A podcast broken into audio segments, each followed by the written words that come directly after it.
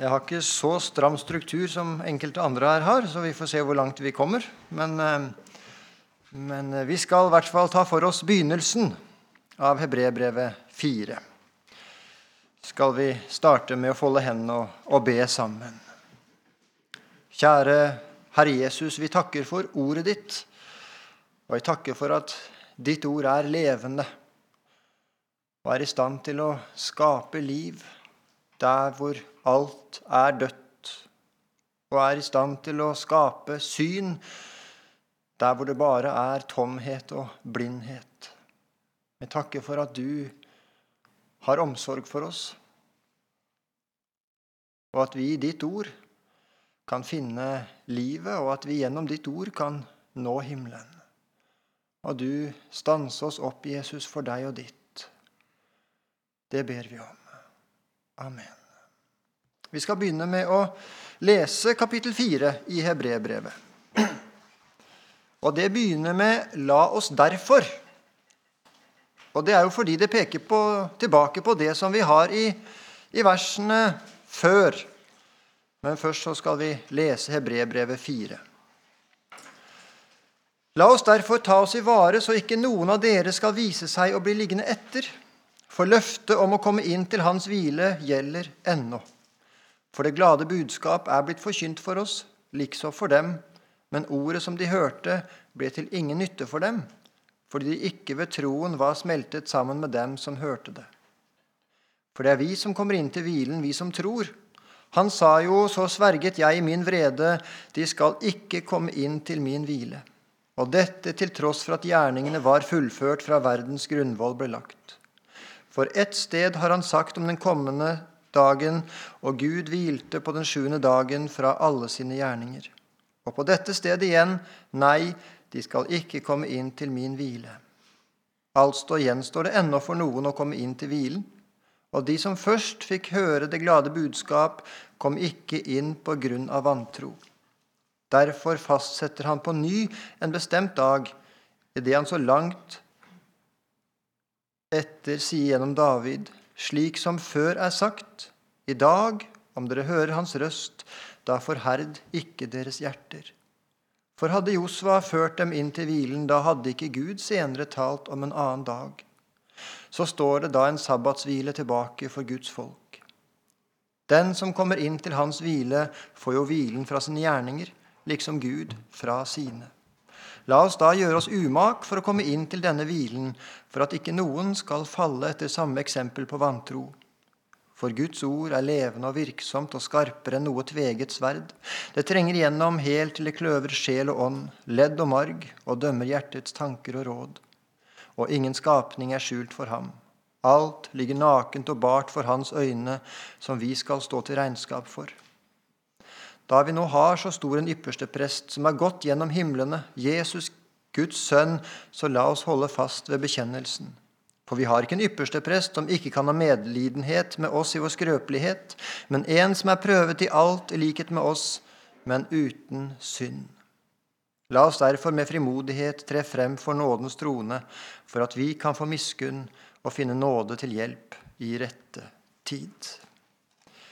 Ja, dette La oss derfor Det peker tilbake på det bildet som blir brukt med Israel som går gjennom ørkenen. 40 år i ørkenen. Og det er jo både en realitet De gikk 40 år i ørkenen, og det er et bilde på enhver troendes vei hjem til himmelen. Begge deler samtidig.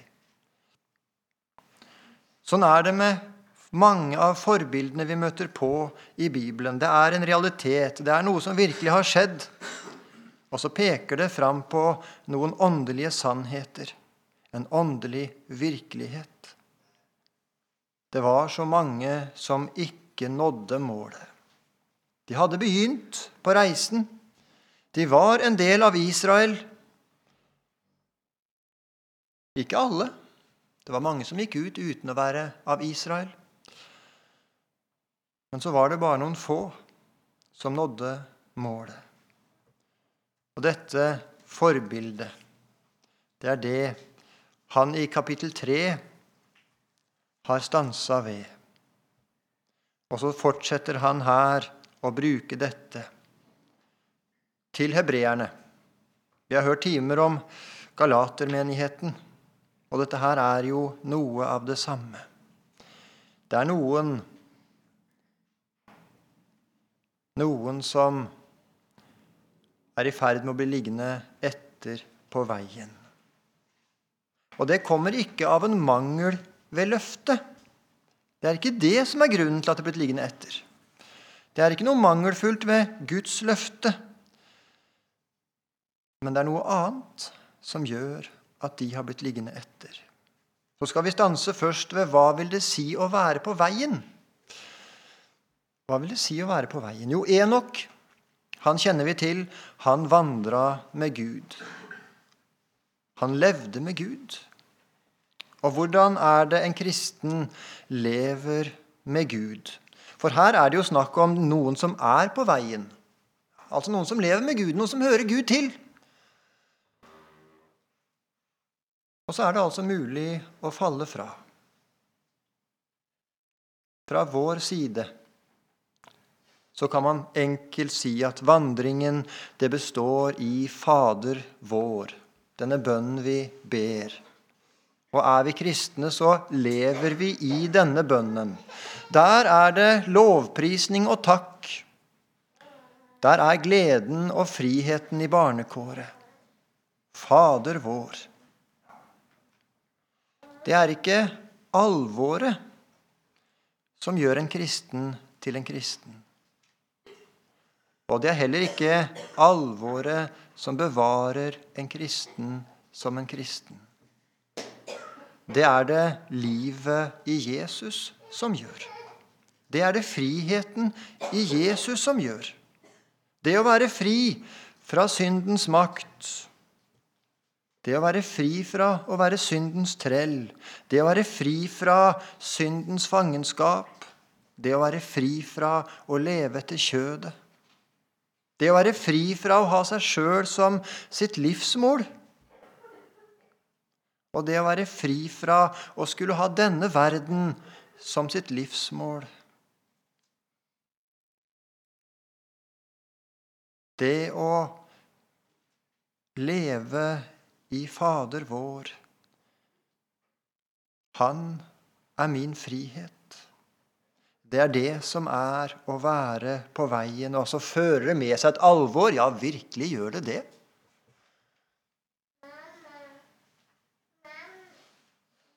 fordi han er umistelig. Han er min umistelige. Jeg kan jo ikke velge noen annen enn han. Jeg kan jo ikke høre til hos en annen enn han. Og likevel altså, så er mitt kjød av en sånn natur at jeg har ingen sans for å høre til hos han. Kjødet har sin frihet i synden. Og fortsatt fra vår side behovet. Gi oss i dag vårt daglige brød. Det å leve åpent med Gud, det er Han som skal gi meg det jeg trenger. Det er Han som skal sørge for meg i alle ting. Det er Han jeg går til med min nød, i det jordiske og i det evige og åndelige. Forlat oss vår skyld. Der er synsforlatelse å finne, og der er den daglige renselsen å finne. Og der lever en kristen. Det er dette som er å vandre med Gud. Det er dette som er å være på veien. Og fra Guds side For dette er jo et samliv. Det er å leve sammen med Gud. Og samlivet fra Guds side, det er det han gir oss i ordet sitt. Og den som lever av noe annet enn det Gud har å gi ordet sitt, den lever ikke sant. Samme hvor menneskelig rett det skulle være, hvor filosofisk eller hva annet det skulle være godt i denne verden. Og dette er vandringen.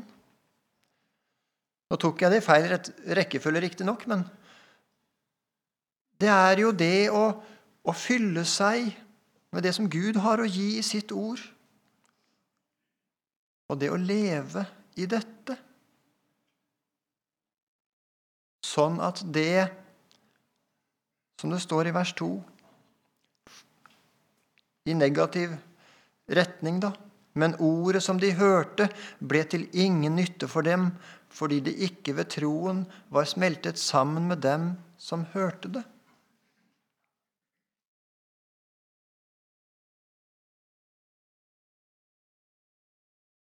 Ble til ingen nytte for dem, fordi de ikke ved troen var smeltet sammen med dem som hørte det.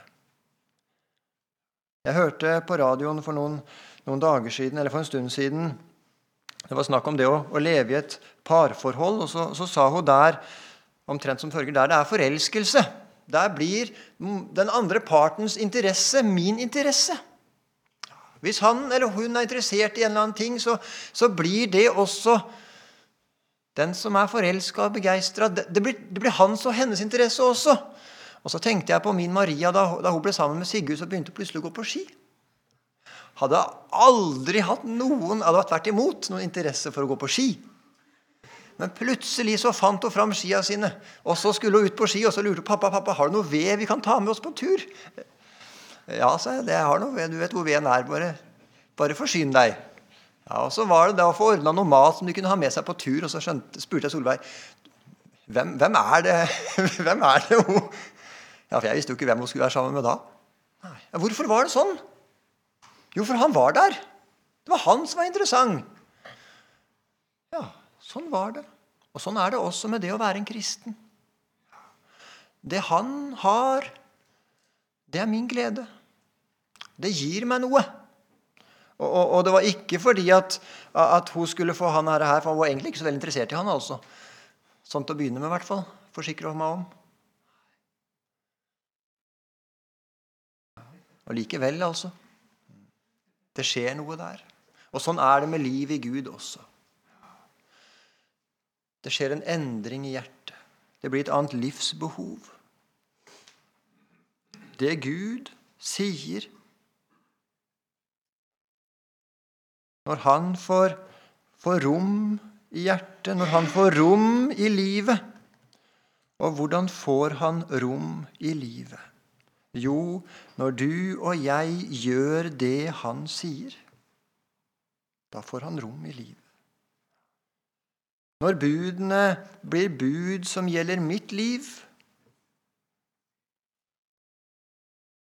Når når det han gir av løfter, blir løfter som gjelder meg i mitt liv. Når synsforlatelsen ikke er en teori, men det er, noe som gjelder mine reelle synder. Det jeg har forbrutt meg, det har han sona. Der er livet mitt. Og så blir det alvor med synden.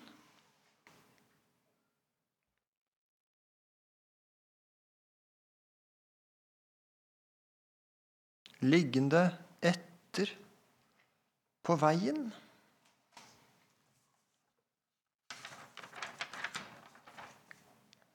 Det er et veldig alvor å bli liggende etter på veien. Hva er det som bestemmer om et menneske har blitt liggende etter på veien? Jo, det er at retningen er feil. Det er retningen som bestemmer om du er på veien mot målet. ikke sant? Det er jo ikke hvor fort du springer. Det synes sånn av og til at det er noen som mennesker som, som tenker at det bare er veldig alvorlig eller veldig bestemt eller, eller sånn eller slik. Så kommer jeg fram. Og så er retningen feil.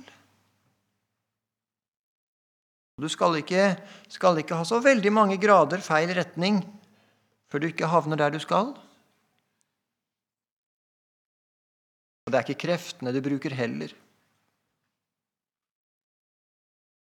Det er retningen. Det å bli liggende etter, det er altså noe som er farlig for en kristen. Og det skjer når et menneske sier noe annet enn det Gud sier.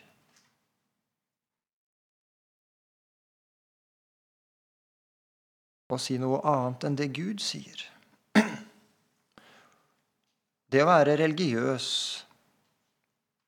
det å ville tro på Gud, det å bekjenne sine synder, og endog det å ta det meget alvorlig med sine synder, hvis det er det som er din vandring, ja, da blir du ikke frelst ved det. Disse her i hebreerbrevet, det var ikke versliggjorte mennesker.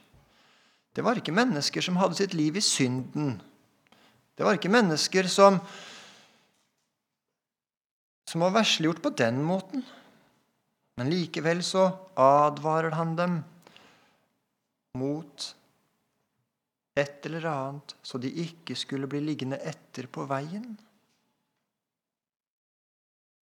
Det var noe i deres liv som førte bort ifra Gud, eller kunne føre bort ifra Gud.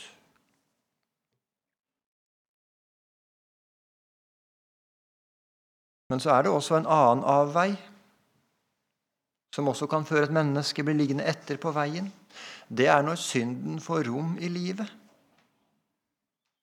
Og så møter jeg av og til noen som er så motløse. Skal jeg alltid kjempe? Skal jeg aldri få hvile? Og så, og så ligger de i det på en måte at de ikke orker å være kristne. De blir motløse, for, for alt i deres gudsliv det skal bare være kamp og strid. Er det aldri noen hvile? Er det aldri noen fred i dette livet? Og så har jeg jo for min egen del også sittet fast der, og, og tidvis gjør jeg jo det.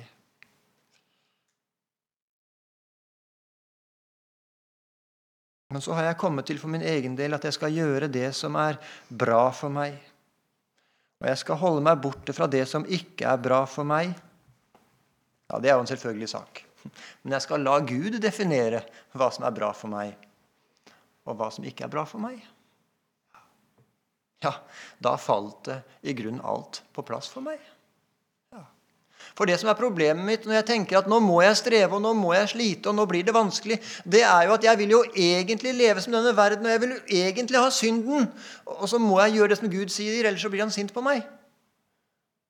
Det er jo ikke det som er å være en kristen det er jo å få se hva det er som er det gode.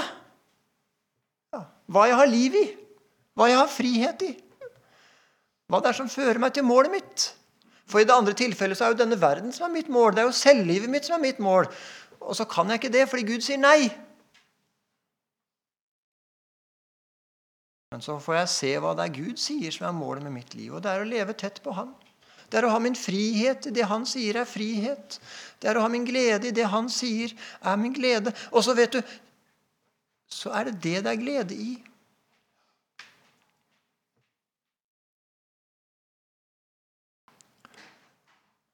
Og så blir jeg løst fra strevet.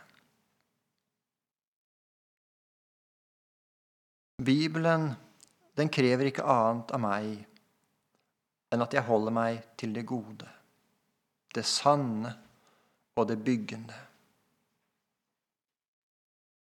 Og vel koster det. Det koster en forferdelig kamp for å utbre det gode i mitt liv. For at det som fører meg til himmelen, skal få rom. Men jeg vinner på det. Fordi det er det som drar meg inn til Jesus. Det er det som fører meg hjemover. Og dette perspektivet får du og jeg bare når vi er i Guds ord, og når det er det som får lov til å fylle oss. Og dette vinner du og jeg på. Og vel koster det selvlivet, vel koster det synden, og vel koster det verdens aktelse.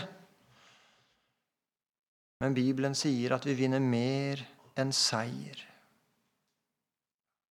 Her er friheten.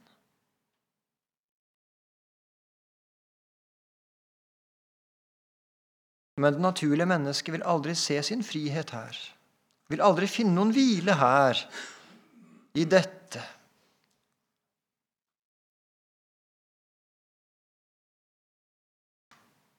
Og så preges vi av tidsånden. Og så lever vi i en tid hvor, hvor vi frykter så mye. Vi, vi, frykter klimakrise, og vi frykter krig og sykdom og ja, hva alt som vår tid frykter. Lidelse. At vi ikke blir akseptert. Jeg vet ikke hva det er som frykter, hva du frykter. Men hva sier Bibelen at vi skal frykte? Jo, vi skal frykte vårt eget bedrageriske hjerte. Og det er livsfarlig. Og det er det eneste som kan føre deg og meg, om vi lever med Gud, bort ifra Gud. Han forlater ikke sitt barn. Men det er når du forlater han gjennom å høre på ditt hjerte, leve etter ditt kjød, ha din frihet i det som denne verden har sin frihet i. Eller din religiøsitet og ditt eget på en eller annen måte.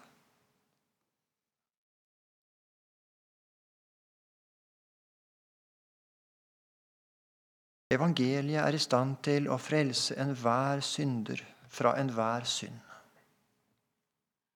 Og det hørte vi jo her flere ganger. For løftet om å komme inn til hans hvile gjelder ennå. Ja, Det er et godt uttrykk å lese i Bibelen. Gjelder ennå. Ja, Det gjelder er som i dag, det. Ja, Hvilken dag er i dag? Jo, det er i dag, det. Ja. Det gjelder ennå. Ja, det gjelder altså ennå, dette løftet. Det gjelder deg, du som sitter fast i synden. Du skynder deg til Han som løser syndens bånd. I dag.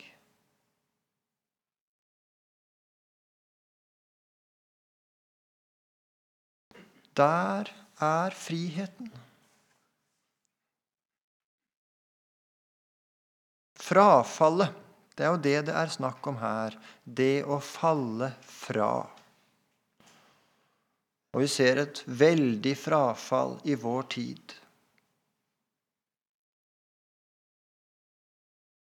Relasjonen til Gud forsvinner. Og så kan alt det utvendige i det å være en kristen, det kan godt fortsette. Liturgien kan mer eller mindre fortsette, og det å gå på møte kan fortsette. og Det å gjøre og det å være og det ene og det andre. Men så, så forsvinner relasjonen til Gud. Det, det at Han taler til meg i ordet, og at jeg taler til Han i bønnen, det blir borte. Og så blir evangeliet det blir dratt tilbake til den private sfæren. Og det forferdelige, skumle med frafallet, det er at det enkelte mennesket ser det ikke selv. Det er ikke sånn at nå er jeg i ferd med å falle fra, og så slutter jeg å falle fra fordi jeg ser det ut fra meg selv at nå faller jeg fra. Nei, det gjør man ikke. Det er bare ordet som kan vekke et menneske fra frafallet. Og det å være sann etter å ha lest ordet om sin stilling, som kan vekke et menneske fra frafallet. Du kan ikke passe deg fra frafallet ut ifra deg og ditt. Ut fra deg og ditt så er du ikke i stand til noe annet enn å følge strømmen.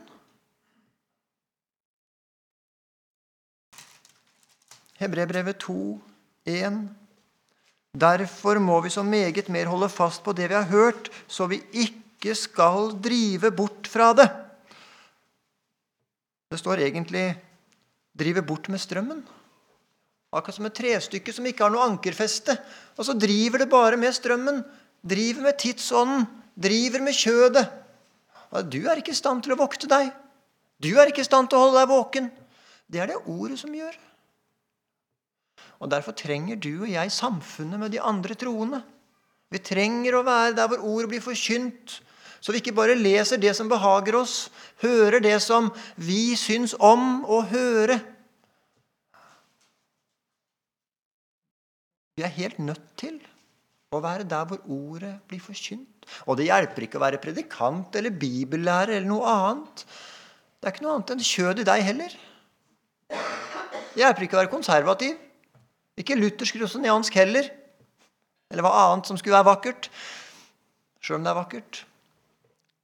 Det er bare ordet som kan holde deg våken. Det er bare ordet som kan holde deg i live. Men det kan det. Dette livet, det er det egentlig ikke mulig å beskrive rett.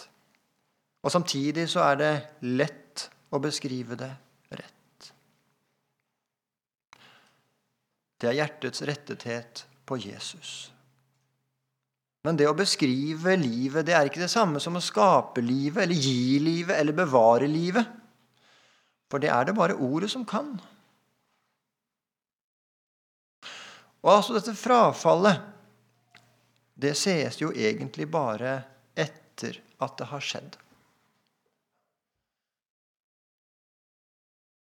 Før det skjer, da ser man det ikke. Og mens det pågår, ja, Kanskje noen kan se det hvis de, hvis de følger nøye med, men ellers så ser de ikke, de heller. Jeg har lest ei, ei bok som heter 'Som om Gud ikke finnes'. Som har undertittelen 'Hva skjer når livet sekulariseres'? Jeg sier ikke at alt er bra i den boka. det sier Jeg ikke. Jeg har masse bøker i bokhylla hjemme jeg, som ikke alt er bra. Men det er nyttig og interessant å lese det likevel. Og det er også gode ting. Det er det. Og han skriver Det er ikke den kritiserte troen som sekulariseres. Det er den ikke praktiserte troen. Det er den bønnen jeg ikke ber. Det er de bibeltekstene jeg ikke vender tilbake til. Det er den gudstjenesten jeg ikke deltar i. Det er alle de områdene av verden som unntas fra et kristent perspektiv. Det er de gangene jeg ikke reflekterer over hva en ny livserfaring kan lære meg om Gud.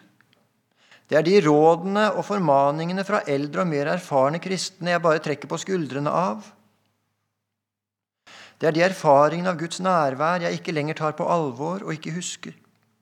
Det er de bøkene av Kirkens historiske som jeg ikke gidder å lese. Når troen på denne måten er blitt sultet ut gjennom langvarig beleiring, er den til sist så svekket av mangel på næring at den blir et lett bytte for den sekulariseringen vi kanskje best kan beskrive som mainstream, med Jesu ord 'Jeg går ikke lenger på den smale veien der få mennesker går', men på den brede veien der de fleste går.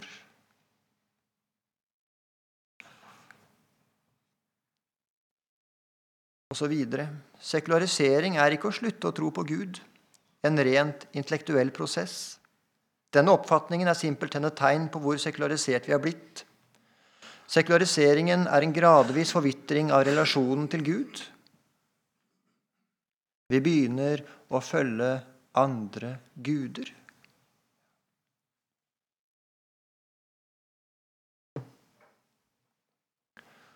Å være en kristen Hør, så skal din sjel leve. Å være en kristen er ikke hva du er eller gjør, men at Kristus er din frelser. Og det er han når du ikke har noe annet. Når han er ditt alt. Og det er det smertefullt å være.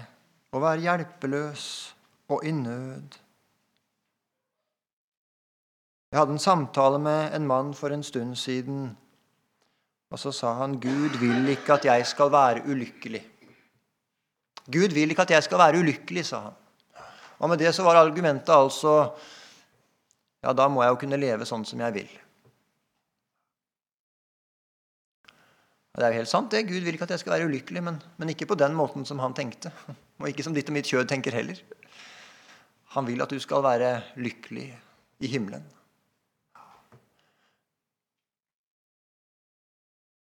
Men det innebærer altså et brudd med lykken her i tiden ofte. Jeg gjør det. Ikke fordi Gud er en fiende av hva det er som gjør deg lykkelig, men det er bare det at eh, veldig mye av det du og ditt og mitt kjød opplever som lykke, det er slett ikke egentlig lykke. Det er kjødelighet.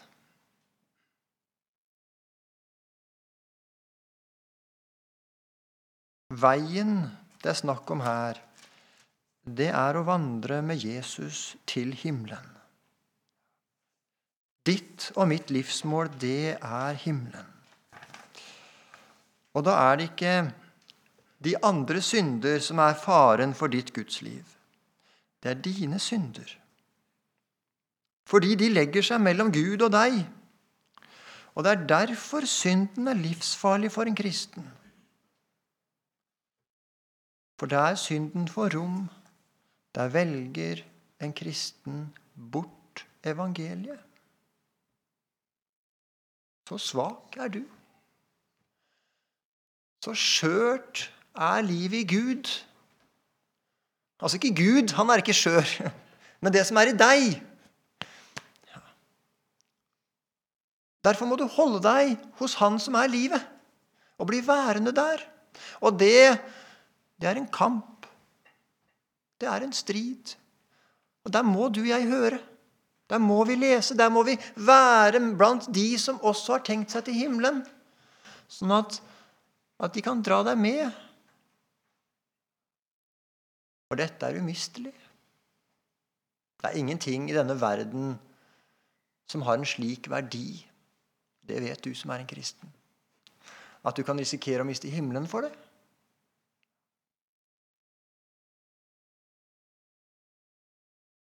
For veldig mange av oss så er det mest umistelige i denne verden, i hvert fall ser det sånn ut, det er telefonen. Ja, mister du den, da, da vet du ikke hvem du er, hvor du er, og hvor du skal hen. og vet ikke hva, hvilket vær som kommer, og ikke om noen er glad i deg eller ikke. og Det er, veldig mye du ikke vet da. Og det var jo en som, en som spurte unge mennesker for, en, for noen år siden om, om, de ville miste telefonen sin i bakken, som ble knust, eller de ville ødelegge håndleddet sitt. Ja, halvparten svarte de da ville heller brekke håndleddet enn å miste telefonen i bakken. så den ble knust. Ja. Ja. På et perspektiv over livet. Lever du sånn? Er ditt liv der? Ja, da er det vanskelig å bli frelst. Da er det vanskelig å nå hjem. Det betyr ikke at at nødvendigvis er en sånn forferdelig synd at de ikke kan leve med Gud.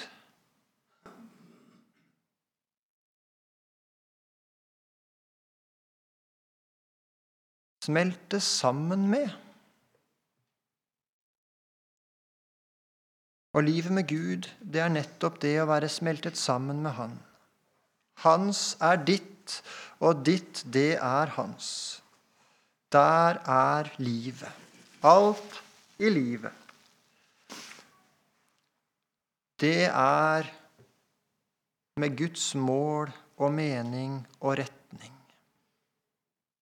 Og retningen i livet, det er jo ikke en biting, det er selve saken. Det er det som styrer din vandring, din tid. Det går jo ikke an å ha en vandring som ikke går mot livsmålet. Det er umulig, det. For da er livsmålet et annet. Hvis livsmålet er din ære, din makt, at ting skal bli sånn som du vil, det er jo det som er retningen din, da. Da er det jo ikke himmelen, da. Da er det ikke Jesus.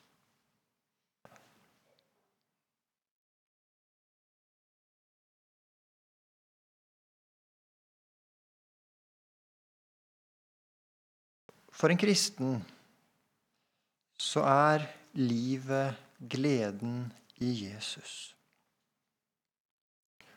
Og det er denne erfaringen at jeg velger det som gir mest. Ja, enda mer det eneste som egentlig gir. Når et menneske lever tett på Jesus, så erfarer hun og han det.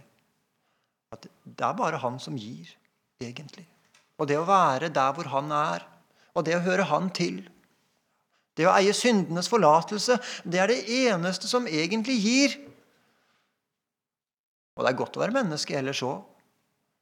Det setter alt i perspektiv. Det er ikke det jeg sier, at vi skal være sånne asketer som er fjern fra virkelige livet. Nei. Men det er det som gir et arbeid, praktisk eller fysisk mening. Oppvask, mening. Livet ellers mening. Fordi dette er retningen. Og så blir alt annet godt og rett der.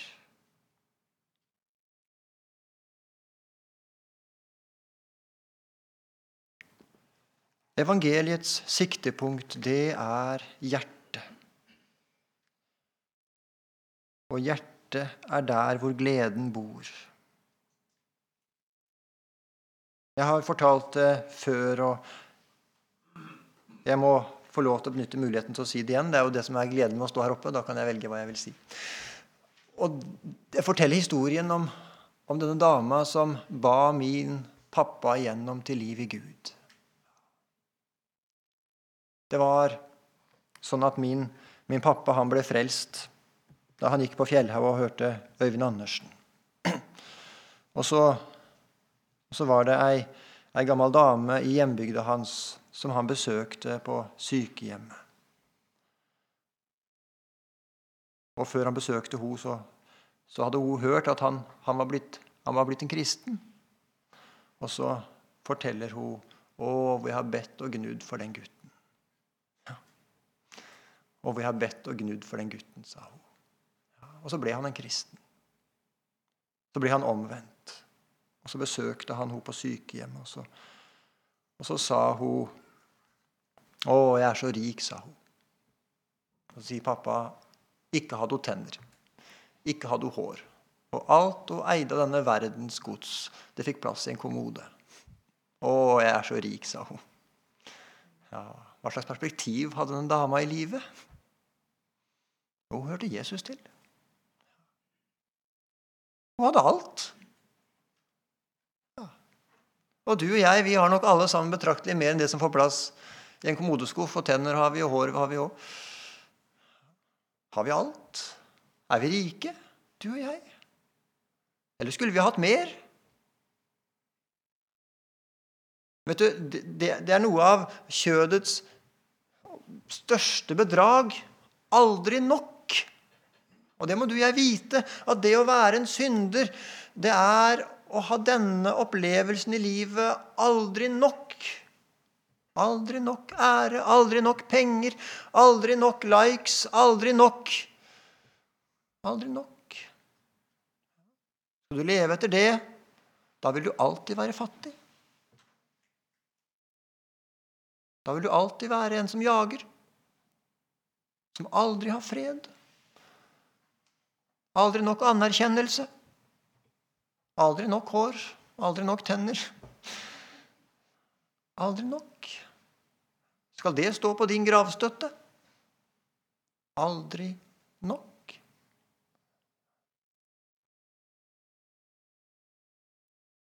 Da avslutter vi der, og så er det en ny time om et kvarter.